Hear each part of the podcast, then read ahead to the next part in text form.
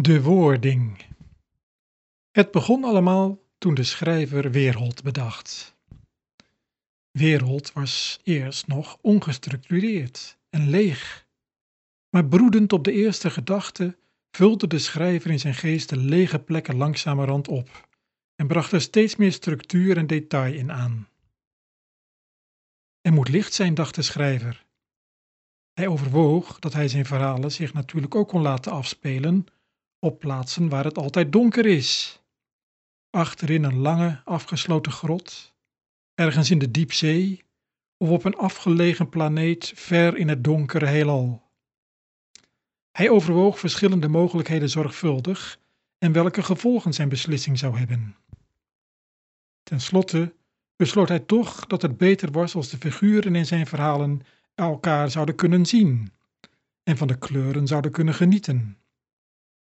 Ook de normale afwisseling van dag en nacht zou beter aansluiten bij zowel zijn eigen belevingswereld als die van de lezer, dan een permanente nacht of dag.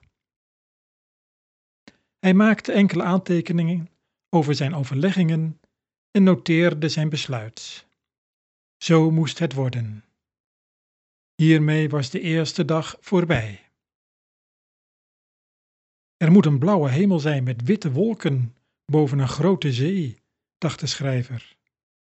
Toen hij verder dacht, besloot hij dat er in sommige verhalen ook een dreigende lucht met zwarte wolken zou zijn en luchten waaruit het water in stromen naar beneden zou komen. Ook dit noteerde hij. Zo moest het worden. De tweede dag was voorbij.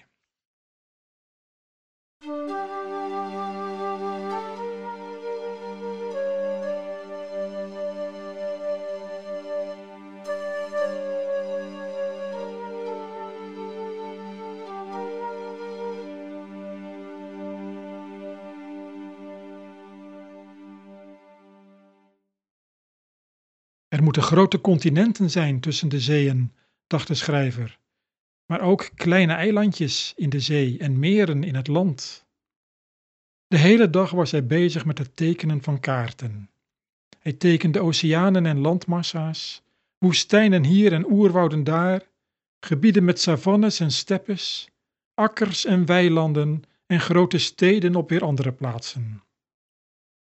Toen hij eindelijk opkeek van zijn werk was het al donker geworden. De derde dag was voorbij.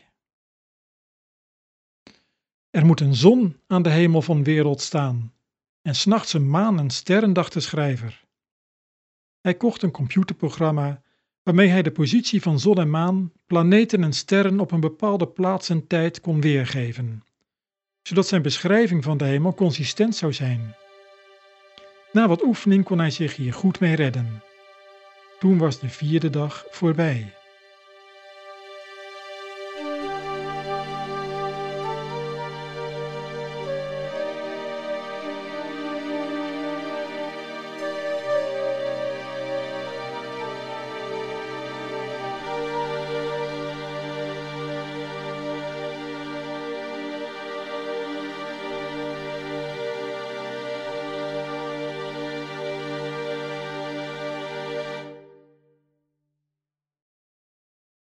Er moeten allerlei dieren in de zee leven en vogels door de lucht vliegen, dacht de schrijver.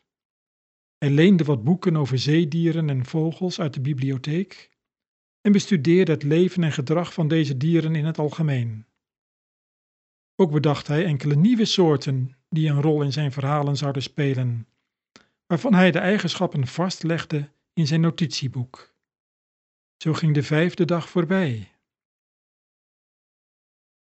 Er moeten ook landdieren komen, grote en kleine, snelle en langzame, tamme en wilde, dacht de schrijver. Hij las enkele artikelen over het gedrag van grote zoogdieren en kleine insecten. Ook nu bedacht hij enkele nieuwe soorten, met eigenschappen die hij goed in zijn verhalen gebruiken kon. Hij noteerde dit zorgvuldig in zijn werkboek.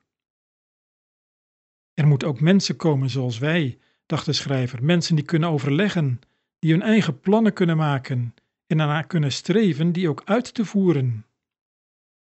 Van de hoofdpersonen in zijn verhalen maakt hij notities over hun lichaamsbouw, hun karaktereigenschappen en de omgeving waarin ze leefden. Daarmee was de zesde dag voorbij.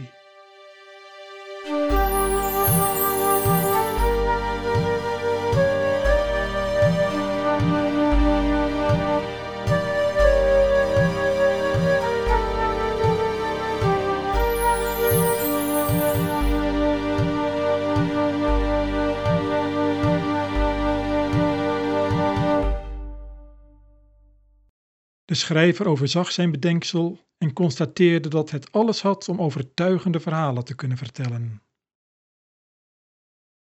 Nu is het nog nodig dat de mensen van mijn bestaan weten en dat ze weten dat ik ze heb bedacht, dacht de schrijver, want dat is het onderwerp van mijn boek. Het zou niet de eerste keer zijn dat een schrijver zichzelf in zijn eigen boek ten voert.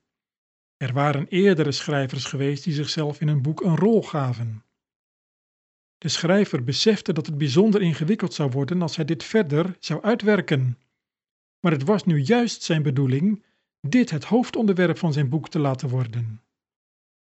Zover hij wist, had nog niemand anders dat geprobeerd.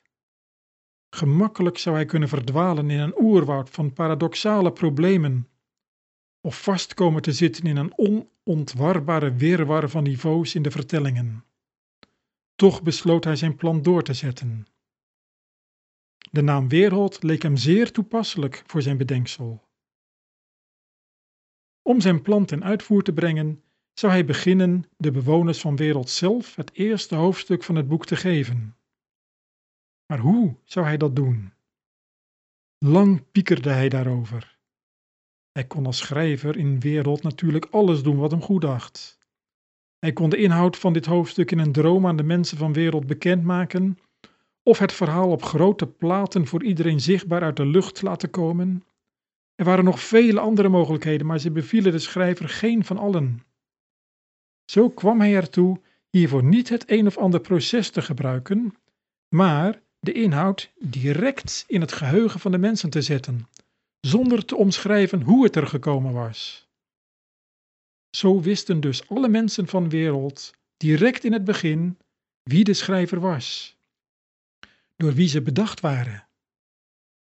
Als ik dit tot een goed einde weet te brengen, dacht de schrijver, kan ik altijd nog een vervolg op het boek schrijven, waarin ik nog meer over mijzelf aan mijn bedenksels bekend maak. Nu was alles klaar. De verhalen van wereld konden beginnen.